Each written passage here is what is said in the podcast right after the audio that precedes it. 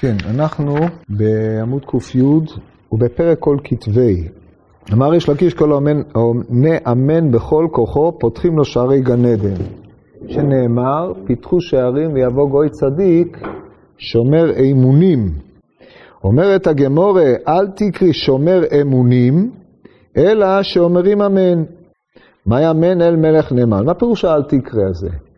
אל תקרי שומר אמונים, אלא שאומרים אמן. בדרך כלל בהקשר הזה זה איזשהו נוטריקון מתוחכם של משחק במילים, אבל פה אל תקרא, יש לו קשר פנימי, לא רק פה, בדרך כלל יש ספר שנקרא, ספר שחיבר רבי יצחק דוב הלוי במברגר, בשם קורא באמת, לבאר כל אל תקרא שבש"ס, איך הוא מחובר עם המילים שבו. כן, ראוי לאדם ללמוד את ה, גם את הדברים האלה, לראות את דרכי הדרשה של חז"ל. יש כאלה, בראשונים יש כאלה שכתבו שאל תקרא זה רק על דרך אה, מליצת השיר, ככה דומני הרמב"ם כותב במורה, אבל אה, כמו על הגמרא בכתובות בדף ה', יתתי לך על הזיניך, לשים אצבו, מפני מה אצבעותיו של אדם משופות כיתדות. אז את זה הרמב"ם מביא, והגמרא אומרת, אל תקרא זיניך לאוזניך, שם הוא אומר את הדברים האלה, אבל כל פנים שם טרח הרב במברגר להראות קשר בין כל דבר ודבר. בהקשר דנן, אה, לא, לא הסתכלתי מה הוא אומר בהקשר הזה, אבל אה, בנידון דנן זה עולה לכאורה מהלשון. אומרת הגמרא, פיתחו שערים ויבוא גוי צדיק שומר אמונים. מה מצדיק את ביאת הגוי בשערים הללו, שצריכים פתיחה? זה שהגוי הזה הוא שומר אמונים. זאת אומרת שהוא גוי נאמן. הוא מכיר בנאמנותו, מכיר אמונה או מאמין במי שפותח השערים הללו. ואם כן, אומרת הגמרא, אל תקרא שומר אמונים, כי הרי איך אדם מגיע להיות שומר אמונים? על ידי זה שהוא אומר אמן. עכשיו, ככלל אתם צריכים לדעת שכל המימרות של חז"ל, כל האומר תהילה לדוד שלוש פעמים בכל יום, הרי הוא בן העולם הבא, וכל האומר כך וכך, כל השונה שתי הלכות בכל יום, מובטח לו שהוא בן העולם הבא, שנאמר הליכות עולם לו. פה זה לא עובד כמו קוס פוקוס, שאתה ממלמל כמה עניינים, וזהו, מובטח לך שאתה בן העולם הבא. זה לא עובד ככה. האומר, בכל מקום שחז"ל אומרים את הדברים הללו, וככה פירש בספר יסוד ושורש העבודה, ספר מוסר שהיה מקובל ללמוד אותו בישיבות חכמי המוסר, מתחבר על ידי רבי אלכסנדר זיסקין מהורדנה, אה, יצא במהדורה מנוקדת בת שתי כרכים למתקשים בקריאה לא מנוקדת, ספר מצוין מאוד, מלא מוסריות, והספר הזה, הוא, הוא אה, שם כבר טען את הדברים הללו, שלא האמירה כשלעצמה מספקת, אלא אדרבה, אם אתה אומר בלי להתכוון, אז הדבר הזה מורה על זלזול במה שאתה אומר. אבל אתה צריך לכוון לדברים שאתה אומר. הדבר הזה מונח פה ביסוד דברי המהר"ל. אדם שעונה אמן, אה, הענייה הזאת היא איננה רק זריקת אמן מפיו, אלא עניית אמן צריכה להתלוות להבנה ולמשמעות של המושג אמן. לכן אומרת הגמרא פה, מה אמן? אמן אל מלך נאמן. וזה עיקרון חשוב. על אמירת אמן בכלל, או הימנעות מאמירת אמן, יש סיפורים מפורסמים מאוד, ידוע שהלבוש הגיע לאיטליה לרב שמעון אבוהב, אמ, ושם הוא לא ענה אמן על איזה ברכה אחת, ורב שמעון אבוהב גער בו, בא איזשהו דבר שמואל. הוא גער בו מאוד איך אתה עושה את זה, והוא לא, לבוש לא הבין מה הוא רוצה ממנו, עד שהוא סיפר לו סיפור נורא על איזה חכם שלא ענה אמן, ונידון בכל מיני דינים חמורים ביותר, כי עניית אמן יש בה משמעות יתרה. אז עכשיו אם אתה תופס את זה כמו איזה זריקת אמן מפיו, אתה צריך להגיד את המילה הזאת ותו לא, אז אתה, זה קרוב מאוד לתפיסה אלילית, שהיא עובדת בצורה מגיה. המגיה עובדת באופנים האלה, אתה אומר לחשים שאין להם שום משמעות, ואתה מקווה לטוב. מי שעובד ככה, מי שמתפלל ככה, אז הוא גובל בעובד עבודה זרה. חס ושלום מלעשות דברים כאלה. לכן לעולם הדברים הללו טעונים משמעות עמוקה, ולימודם של הדברים, זה, זה, זה מחייב את לימודם של הדברים. בשלב ראשון, כמו כל חינוך אתה מחנך בשיטה הבייביוריסטית, קודם כל תגיד אמן, אתה מסביר הסבר פשוט, אדם מתרגל לזה, אבל אם הוא נשאר ברמת ההתרגלות בלבד, אז הוא נשאר ברמת הגן. הוא צריך משם לעלות ולהשתמש בשכלו המתבגר כדי להבין את עומקם של הדברים. זה מה שהמהר"ל עושה פה בעניין עניית המן. פה הוא מפליג למחוזות נפלאים ביותר. אתם, מי שקרא את זה, ומקווה שכולכם קראתם את זה, אז אתם תראו, הוא מגיע לדברים מבהילים ביותר. כן? הקטע הוא לא קטע מהקטעים היותר מובנים בספרי המהר"ל, בניסוח עדין, כן? אז ננסה קצת להבין מה הולך כאן. טוב, אומר המהר"ל פירוש בכל כוחו כמשמעו, כן? הרי רש"י כתוב בכל כוחו, פירש רש"י על אתר שם בשבת, בכל כוונתו, וככה כתוב בסידורים. האלה עם הביאור, יש אה, מה שקרוי סידור כוונת אה, משהו, אני לא זוכר, כן, כוונת הלב, אז כתוב בכל כוונתו, וככה הפירוש המקובל. בא המהר"ל ואומר לו, זה לא, זה לא הפשט. אם זה היה פשט, שהיה צריך להיות כתוב, כל העונה אמן בכל כוונתו. אם כי הדקדוק לא מוכרח, כי אין צירוף כזה כל כוונתו. זה צירוף שהכל האמן אמן בכל כוחו, כוונה בכוונה מלאה, כן? אבל בכל מקרה, המהר"ל יש לו עניין לקדם פה, אז לכן הוא מעמיד את הדקדוק. הוא אומר, אמ, פירוש בכל כוחו כמשמעו. אין הפירוש בכל כוחו, היינו בקול רם.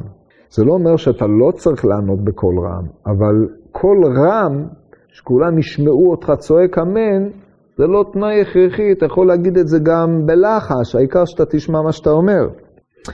אה, בכל כוחו, אין, אין הפירוש בכל כוחו, היינו בקול רם, דאם כן היה לו לומר בקול רם. כמו שכתוב, ענית ואמרת בקול רם. זה דרשת גמרא במסכת סוטה.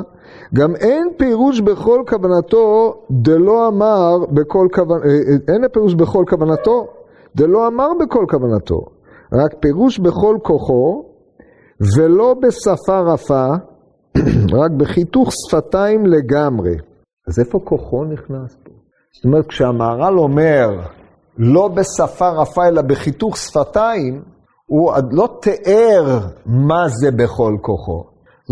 זה הדרישה, כשאתה עונה אמן, אל תענה בשפה רפה, כאילו, אה, תגיד אמן, בחיתוך שפתיים בצורה ברורה, אבל הדבר הזה לא מאפיין את כל הכוח, איפה הכוח של האדם פה. אז כמובן, לפי מה שהמהר"ל אומר בהמשך, כל כוחו מורה על כל, אמ, כל הווייתו, כל תפיסתו של האדם צריכה להיות משוקעת באותה עניית אמן שהוא אומר. בגלל מעלתה היתרה של הענייה הזאת, כמו שהוא יפרש. אומר הוא, מפני שאמר שפותחים לו שערי גן עדן, וכל פתיחה הוא דבר שהוא סגור ונעול, עכשיו הוא יפרש מה זה כוחו. לכך אל דבר זה שנפתחים לו שערי גן עדן, דבר שהוא סגור בוודאי, כי לדבר זה צריך כוח, לפיכך אמר יש לוקיש כל העונה אמן בכל כוחו, כי אז נפתח לו דבר שהוא סגור. כאשר עשה בכל כוחו. והוא מצמיד לזה דוגמה נוספת שעליה הוא ידון בהמשך, וכן אמרו העונה אמן יהי שמי רבה בכל כוחו, קוראין לו גזר דינו. זה מפני שצריך קריאה לגזר דין. בכל קריאה צריך כוח. אז בא המהר"ל ואומר ככה, אדם שעונה אמן, ענה, עשה מה שהוא מחויב לעשות. אדם שעונה אמן בכל כוחו, אז ורק אז, קורא, אז, אז ורק אז פותחים לו שערי גן עדן. מכלל, ששערי גן עדן סגורים בפני האדם. וכדי לפתוח אותם בעניית אמן בכל כוחו, הוא, הוא המביא לידי זה שיפתחו לפניו את שערי גן עדן. למה שערי גן עדן סגורים בפני האדם? כי מאז חטא אדם הראשון הוא גורש מגן עדן, והשם הציב מקדם לגן עדן את את הכרובים את להט החרב המתהפכת לשמור את דרך עץ החיים. מאז שערי גן עדן סגורים. נתנו לך עצה, אתה רוצה לפתוח אותם? תענה אמן בכל כוחך. שוב, זה לא יעזור אם תצעק, כי זה לא יפתח את שערי גן עדן. פה צריך עניין אחר שאותו הוא ילך ויבאר. עכשיו, כמו שאתם רואים כבר, עצם העובדה שריש לקיש הזקיק פה את המושג פותחים לו שערי גן עדן. לא כתוב מנחיתים אותו לתוך, שר, שר, לתוך גן עדן, כי אז הוא היה צריך, אה, כתוב רק על אה, תשעה או עשרה אנשים שנכנסו חיים לגן עדן, כן, מחלוקת במדרשים, הוא לא, לא ייכנס חי לגן עדן. אז לא, וזה, אז אם הוא צריך להיות בתוך גן עדן, פירושו של דבר שהוא לא יהיה פה, כן? אבל פותחים לו שערי גן עדן, ואז הוא עומד מול עולם שהוא לא העולם הרגיל. הפתיחה הזאת היא מה שהולך המהר"ל להסביר כעת. מה שאמר פותחים לו שערי גן עדן, לפי שהעונה אמן אחר המברך נכנס במעלה עליונה, כמו שהתבאר בסמוך. לפיכך אמר פותחים לו שערי גן עדן, כלומר שפותחים לו שער חדש. למה שערי גן עדן הם בגדר שער חדש? כי הם חדש ביחס לשערים שאדם מכיר בעולם הזה. כמו שאנחנו תכף נראה מה המשמעות פתיחת שערי גן עדן. והשכל מחייב זה, כי הברכה שמברך האדם אין הברכה מצד השם יתברך שהוא מאמין בו, כי הכל יכול. רק שאמר שכך פועל השם יתברך. אבל העונה אמן, שאמר שכך הוא מצד השם יתברך, שהוא מאמין בו יתברך שהוא כל יכול, וכיוון שמצד השם יתברך שהוא מאמין בו לדבר זה, מאמין בו, לדבר זה אין קץ ותכלית, כי אמונתו בו יתברך שהוא כל יכול ואין לו קץ ותכלית. כלל הדבר, כן, המשפטים הללו מנוסחים בצורה לא, מה, לא הכי פשוטה בעולם, מנוסחים בצורה טוב, אני אחרי זה אסביר לכם איך, אה, מה, מה קרה עם הניסוח פה. כלל הדבר כי האמונה בו יתברך מצד עצמו שמאמין בו. אבל מה שאמר המברך, רצה לומר שהוא פועל דבר זה בלבד, והבן זה מאוד.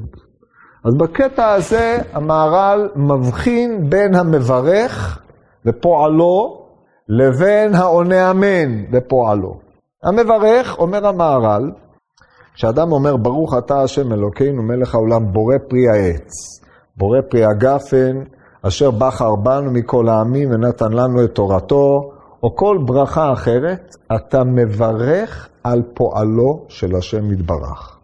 בורא מאורי האש, כל ברכה היא מתארת בחינה של בריאה, או מה שהשם עשה, או פעל בעולמו.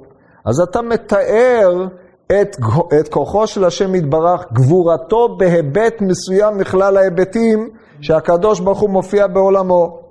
הברכה הזאת פועלת המשכת שפע לאותה בחינה לפי הסברים מסוימים, שזה עניינה של הברכה, כמו שהמהר"ל מסביר במקומות אחרים, או כמו שידוע בספרות הקדמונים, זה פותח את הבריכה העליונה, ספירת המלכות, שהיא משפיעה מאותה בחינה שאתה מאיר עליה, זה כמו מלך שיש לו כמה וכמה הופעות בעולם, ואתה מקלס את המלך בהופעה אחת מהופעותיו. אבל על כל פנים, אתה רק מציין היבט אחד מההיבטים. בורא פרי העץ, בורא פרי האדמה, שהכל נהיה בדברו וכן הלאה. על זה הדרך, אם זה ברכות הנהנין. אם אתה מברך ברכת המצוות, אז אתה מברך אשר קידשנו במצוותיו וציוונו על אכילת מצה או על אכילת מרור, או כל שאר העניינים הללו, אז אתה מברך אותו על ההיבט הזה שהוא ציוונו, קידשנו במצוותיו, וציווה אותנו על מצווה מסוימת זו, שהיא אמורה להוביל לגילוי כבודו בהיבט זה או בהיבט אחר. לכן הברכה לעולם תאופיין, לפי שיטתו של אמר הלוא, המברך, כאשר הוא מברך, הוא מציין היבט מסוים של פועלו של השם יתברך. אז זה מנוסח במהר"ל פעמיים.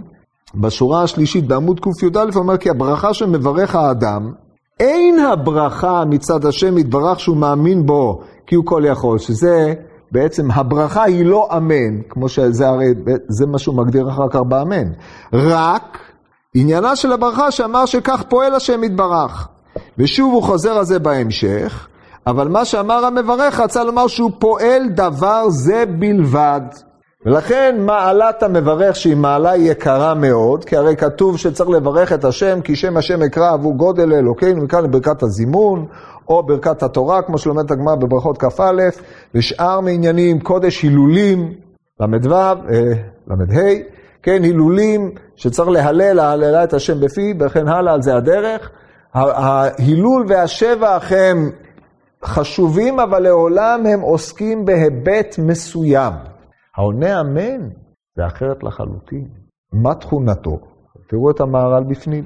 אומר המהר"ל, אבל העונה אמן זה נמצא בשורה שישית, טור ימין בעמוד קי"א, העונה אמן שאמר שכך הוא מצד השם יתברך, שהוא מאמין בו יתברך שהוא כל יכול, וכיוון שהוא מצד השם יתברך שהוא מאמין בו, פסיק, לדבר זה אין קץ ותכלית, כי אמונתו בו יתברך שהוא כל יכול ואין לו קץ ותכלית.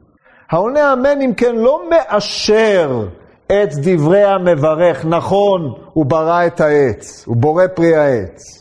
שזה לכאורה היית אומר, כן, אני, אני מאשר את דבריך, אמן כן יאמר השם, הלוואי שכך יהיה, כן, כמו שמופיע בנביא. לא, זה לא הכוונה.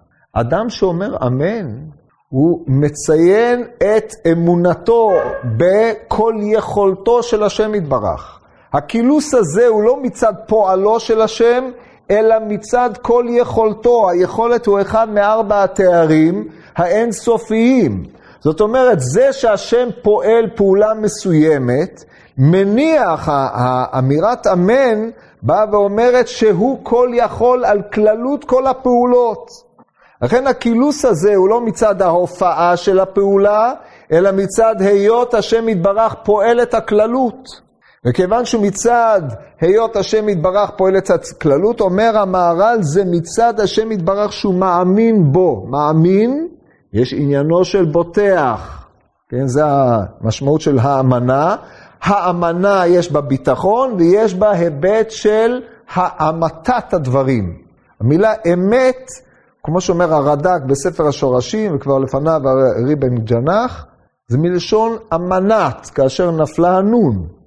האמנת הדברים אמיתתם היא החזרתם לשורשם. ולכן אמירת אמן היא מנותקת מן הברכה. אמנם הברכה מעוררת אותה, אבל כאשר היא נאמנת, היא לא רק מאשרת את גוף הפעולה שהיא באה מן השם יתברך, אלא היא חוזרת לשורש האמירה. מצד היותו כל יכול, הכל בא ממנו. זה מה שאומר המהר"ל, ועכשיו, ולכן הוא חוזר על זה, הוא מסביר את זה פעמיים. אז אני אחזור, נראה את הפעם השנייה. העונה אמן שאמר שכך הוא מצד השם יתברך שהוא מאמין בו יתברך שהוא כל יכול. מאמין זה פועל יוצא. דהיינו, הוא מאמת את היות השם יתברך כל יכול. כל יכול, בניגוד לפועל פעולה מסוימת, הוא המקיף, אה, אה, האמנה מקיפה לעומת האמנה מסוימת על הדבר שלפניו. עכשיו, כמו שאתם מבינים, אדם לא יכול להגיד אמן בלי ברכה. כמו שאדם לא יכול לברך בלי שיש משהו לפניו שמכוחו יברך. אדם לא יכול לבוא ולהגיד, ברוך אתה השם אלוקינו מלך העולם, בורא פרי העץ, למרות שזה נכון. אבל זה ברכה לבטלה. אם אין דבר שעומד לפניך, אסור לך לברך. אז, אבל, אז לבוא ולהגיד אמן, אתה צריך שיבוא ויברכו לפניו כדי שתוכל לבוא ולקלס ולומר, הוא כל יכול. עכשיו תסתובב, תגיד כל היום אמן, לא אמרת כלום. אמן הוא תמיד האדרת הברכה, מפני שהקדוש ברוך הוא הוא סטים וגליה, הוא מופיע בעולם בבחינת פועלים, פעולות, כי זה הדרך היחידה שאנחנו תופסים את פעילותו של השם בעולם, והוא סתום מצד כל יכולתו שאין לנו השגה בו בלבד, אבל משעה שמתגלה הפעולה, אנחנו מחזירים את הפעולה לשורשה לבחינה הסתומה שבה. והיא האמנה. כמו שאתם מבינים, אמנה היא לא בדבר שהוא אבידנטי, אלא היא פועל שכלי של הפשטה עד נקודת המעלה העליונה, שהיא שורש של האדם. זאת האמנה. וזה מה שלכן המהר"ל אומר, הוא נכנס במעלה העליונה. נכנס במעלה העליונה, דהיינו, הוא ניתק מדבר שהוא תלוי בחזות, בתפיסה, והוא עובר לדבר שהוא מעבר למה שמושג בחוש בעולם הזה, בפעילותו של הקדוש ברוך הוא נכנס לבחינת כל יכולתו של השם יתברך, ושם הוא תולה את עצמו, ולכן הוא, בפעולה הזאת, כאשר הוא נמצא שם בכל כוחו, דהיינו במלוא תודעתו והבנתו, הוא משתחרר מהתלות בעולם הגשמי. כי התלות בעולם הגשמי היא תלות בגילוי פעולה זו, גילוי פעולה אחרת.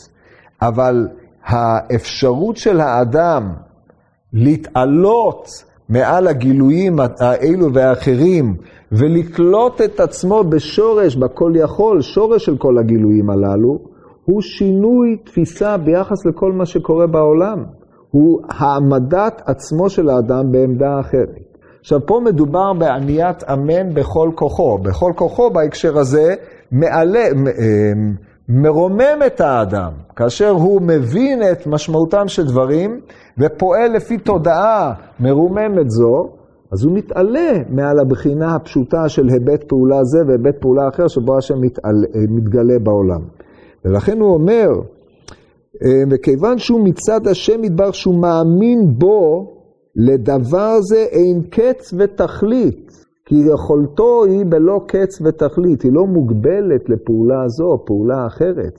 וכאשר הוא דבק בבחינה אינסופית זו, אז הוא משתחרר מתודעת הסופיות העולמית שאופפת את כל האדם, מלווה אותו בכל נקודת הסתכלות, מלווה אותו בכל ימי חייו, ופותח בפניו צורת הסתכלות אחרת שהוא זוכה לה לפי שעה. וזה מה שאומר המהר"ל, כלל הדבר כאמונה בו יתברך מצד עצמו שמאמין בו. אבל מה שאמר המברך, רצה לומר שהוא פועל דבר זה, זה בלבד, והבן זה מאוד. עכשיו, אחרי שהוא ביסס את הדבר הזה, איך זה קשור לפתיחת שערי גן עדן? פה אומר המהר"ל שני מהלכים. בגן עדן יש בחינת עדן ויש בחינת שמחה. עכשיו, כדי להבין את מה שהמהר"ל אומר, אנחנו צריכים להקדים יסוד. העולם הזה, שנקרא עולם זמני, עלמא דשיקרא, עולם הזמן, עולם המתהווה והמתכלה, ההווה והמתכלה, כך אצל לפי, לפי הקדמונים, בנוי על, אמ, על, על ההשתנות המתמדת. והזמן הוא ההשתנות המתמדת. דור הולך ודור בא, יום הולך ויום בא, בבוקר תאמר מי ייתן ערב, בערב תאמר מי ייתן בוקר. אומר המהר"ל כל שינוי רע. רוע התרועה הארץ, אומר הנביא, פור התפוררה הארץ. היום ישן מפני חדש תוציאו שזה במצב הטוב, אבל כל תהליך של השתנות, חוסר יציבות, היא התרועעות. דהיינו, כלי שהוא רעוע. רעוע, אין לו יציבות. היציבות, היא, היציבות או הפעילות בלא השתנות, היא הדבר הקבוע, השלם. ההשתנות, החתירה אל יש בה צד טוב ויש בה צד רע. הרי אדם שהוא יעמוד בלא שינוי, הוא יסתייד. אבל מבחינה מושגית טהורה, הקדושה, המדרגות הנעלות, אין בהם שינוי, הם נצחיים. השינוי הוא רק אה, אצל האדם, שהוא מתקיים בו, הולך אדם אל בית עולמו, כל יום הוא מת קצת. כל חלק, כל שינוי, כל התפעלות של האדם מדברים שהם דברים ארעיים, מדביק את האדם בארעי, ולא נשאר מזה שום דבר, כי שום אידאה שקיימת בעולם הגשמי לא נשארת לדורות. תיאוריות שהעלו משתנות, מושגים שעיצבו חברות מסוימות עברו מן העולם, דברים שאנשים רדפו עליהם במשך כל ימי חייהם הפכו להיות דברים חסרי ערך לחלוטין בדורות הבאים. וכך שכל ההש... התהליך של ההתקדמות של העולם, אם אפשר לקרוא לו התקדמות, הוא בעצם הופך את מה שהיה לדבר ריק ובטל. זאת אומרת, זה נכון שדור נבנה על גבי קודמיו, אבל תהליך השינוי הזה, המהר"ל רואה אותו כרע. לכן המהר"ל רואה גם את הזמן, שהעולם, מה שהעולם מזמן לפני האדם. כדבר רע, מפני שכל מה שהוא מזמן לו, אחרי שהוא גמר לזמן את זה, הוא חוזר ומזמן לו דבר אחר. ולכן ריצת האדם אחרי העניינים שאין בהם קביעות נצחית, היא לעולם עיבוד של זמן. לפעמים זה הכרחי לו לאדם, כי בלי זה אדם לא יכול לחיות, אבל רוב, ה... רוב האנרגיות שאדם משקיע בעניינים הללו, הם כינוי חייו לריק. טוב, אז אחרי שראינו את העניינים הללו, שהם נשמעים די uh, טרגדיים, אבל זה, זה מופיע בכל הספרות המוסר, וזה דבר נכון באיזשהו מקום, אם כי אדם צריך להתמודד עם היצרים שלו, מפני שהם מה שמציירים לו עולם יפה, מדומיין, והוא חי בעולם הזה, זה נקרא עולם הדמיון, כן? זה נקרא מי שהם, הנחש, כל היצר הרע וכל זה מתואר ב... כעולם החוש ועולם הדמיון. כאשר עולם הדמיון הוא הדבר החזק ביותר שמוביל את האדם לעברי פי פחת ואיתו הוא צריך להתמודד. תיקון כוח המדמה הוא אחד העניינים היותר נעלים, או על ידי בחינת הנבואה או על ידי בחינות אחרות, אבל האדם, העולם הדמיון הזה הוא עולם שמצייר דברים ארעיים כדברים קבועים. זה השקר הגדול שבעולם הזה. עד כאן זה ברור, ולא באתי לדכא אף אחד. אבל אה, זה המצב. על זה, תראו שזה ככה פועל. כן. לא, לא, לא, מה שאמרתי בחיתוך שפתיו, מה שהוא התכוון, הוא, הוא התכוון לומר, אתה לא צריך לצעוק, לא כל הכוונה שלך היא העניין הנדרש, אלא כל הכוח שלך. כל הכוח שלך הוא השקעת כל ליבו של האדם. בהמשך הוא אומר את זה אמ, בפסקה בדיבור מתחיל ועוד יש לך להבין, אז זה עוד מעט נגיע לזה. עכשיו, אחרי כל ההקדמות האלה, נגיע למה זה פותחים לו שערי גן עדן, כן. אפשר להגיד במידת המלכות, וכל העניין זה ההשפעה של כל, בעצם כל כוחו מושפע דרך השפתיים, דרך הדיבור. זה משול... אבל הוא לא אומר, הוא לא משתמש בטענה הזאת. כי הוא אומר בהמשך מה זה בכל כוחו. כן, הוא אומר בלב. אז אנחנו נגיע עוד מעט לזה, ואז אם זה ישתלב לך, טוב. בסדר? זו כוונת הלב. טוב, עכשיו אנחנו מגיעים לשערי גן עדן. מה זה פותחים לשערי גן עדן? אומר המהר"ל, יש פה שני עניינים. ובזה, סליחה לפני זה, הוא אומר ככה, ותבין כי דווקא גן עדן ראוי אל מי שעונה אמן. כי מי שיש לו אמונה חזקה בו יתברך הוא כמו יתד תקוע במקום נאמן. איזה ביטוי בנביא, בספר ישעיהו, אוהל בא להיצען, יתד תקוע במקום נאמן, אשר אין לו שינוי כלל. זה הנקודה המרכזית, אין לו שינוי. זאת אומרת, הוא יציב. עכשיו, פירושו של דבר, זה, אין, אין פירושו של דבר שלא עוברות על האדם נתקע במקום מסוים וכופה. אין לו שינוי, פירושו של דבר שהוא נמצא במקום שהוא לא מוביל אותו אל הרע, הוא נמצא במקום שהוא כולו טוב, כולו עדן. כל פעילויותיו, כאשר הוא מושרש באותו מקום, שואבים מדבר שהוא בעל קביעות נצחית. ולכן כל פעולותיו מכאן ואילך בתודעה זו הם עם בחינה נצחית.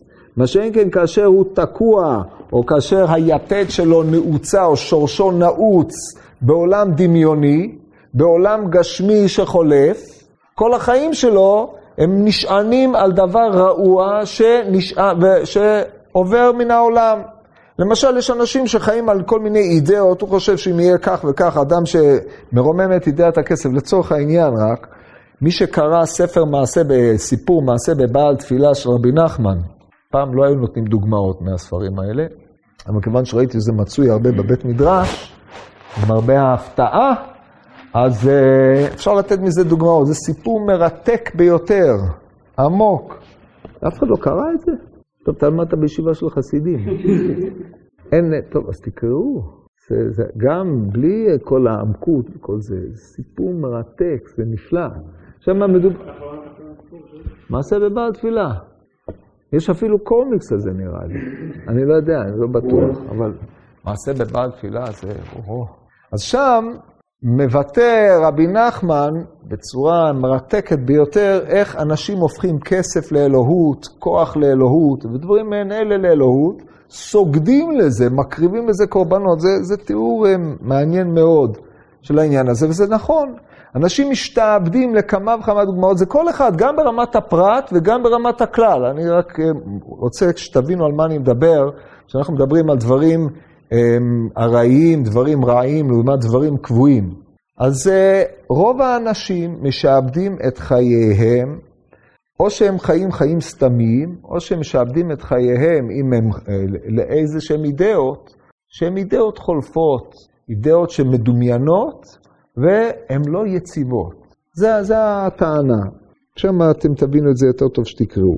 בכל מקרה, כאשר אה, אנחנו חוזרים לענייננו, אומר המהר"ל, לעניין גן עדן, מצד שהוא מאמין בו, הוא תקוע במקום נאמן, ובזה ראוי שייכנס לגן עדן אשר שם ארזי הלבנון אשר נטע השם בחוזק. ושם ייכנס בעל המנה, כי ראוי שיהיה מקומו מדרגתו שמה על ידי האמונה, כאשר ידוע למשכילים. זה מהלך א', מהלך ב'. עוד ראוי שיפטרו לו שערי גן עדן, כי באמונה ימצא ההנחה, שמפני אמונתו הוא בוטח בו יתברך. ולכן לא, ימצא, לא יימצא אצלו צער, רק הנחה במה שהוא מאמין בו בכל ליבו. וזה שאמרו כל מי שעונה אמן בכל כוחו שמאמין בו יתברך בכל ליבו. פה הוא מפרש מה זה בכל כוחו, כן? מאמין לו יתברך בכל ליבו, זה התפארת, לא המלכות, כן? אז מתחדש אליו ההנחה, ופותחים לו שערי גן עדן אשר בו ימצא האדם נחת רוח ואין צער שם, והארכנו בזה במקום אחר. אלה שני הסברים. כי כמו שאמרנו, בגן עדן יש שתי בחינות, יש בחינת השמחה, ויש בחינה של האמנה, או בחינת העדן שיש בגן עדן. יש גן לחוד ועדן לחוד, אבל הנער יוצא מעדן להשקות את הגן. אז יש לנו שתי בחינות בעניין הזה. עכשיו, מה הוא מתכוון? המהר"ל לא מדבר על מה שיקרה אחרי שאדם ימות, המהר"ל מדבר על חייו של האדם בעולם הזה. העולם הזה, יש בו בחינה של גן עדן, או יש בו בחינת פתיחת שערי גן עדן. האדם, אומר המהר"ל, הוא עץ. כמו שכתוב, כי האדם עץ השדה.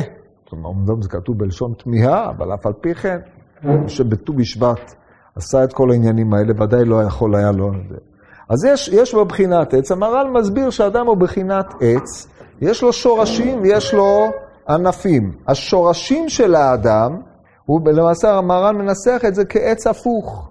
שורשיו למעלה, והענפים, הנוף שלו הוא למטה, כן, גם מבחינת השתלשלות הנשמה של האדם, או החלקים היותר עליונים של האדם הם למעלה, והאדם הוא בבחינת ענפים.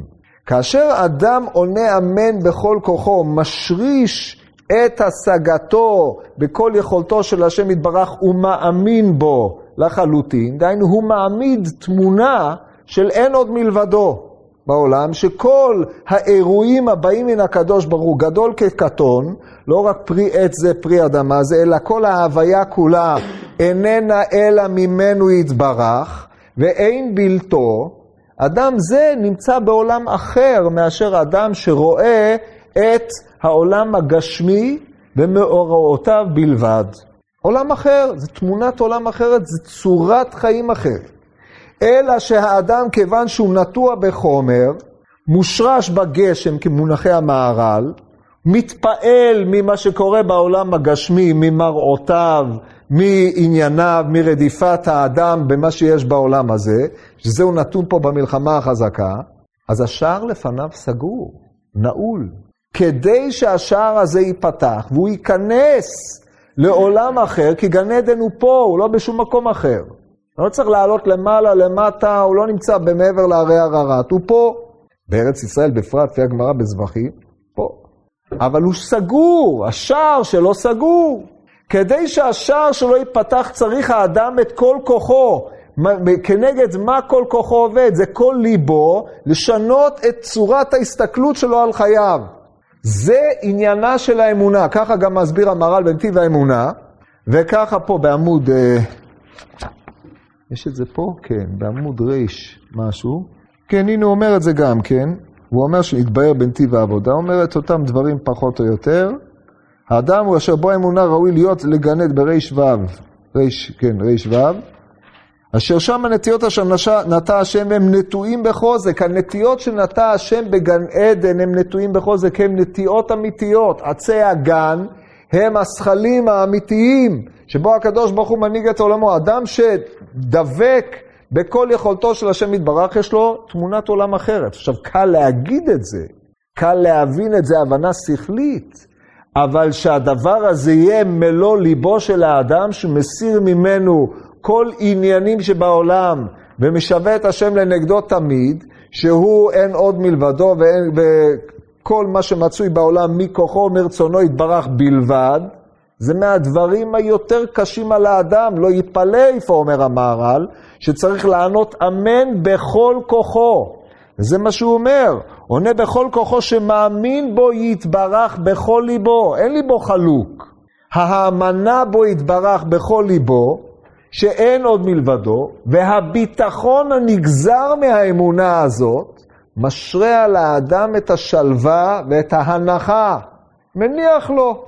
הוא לא מודאג מכלום, כי כל מי דאביד רחמנה לתו אביד. הרי אתם מכירים את הסיפור הזה בגמרא בברכות, שמופיע אצל המנוחה יוכבד סגל על התרנגול והנר וכל זה. כן, זה מופיע בפרק הרועה, צריך לנתח אותו, הוא לא מספיק לקרוא אותו ב...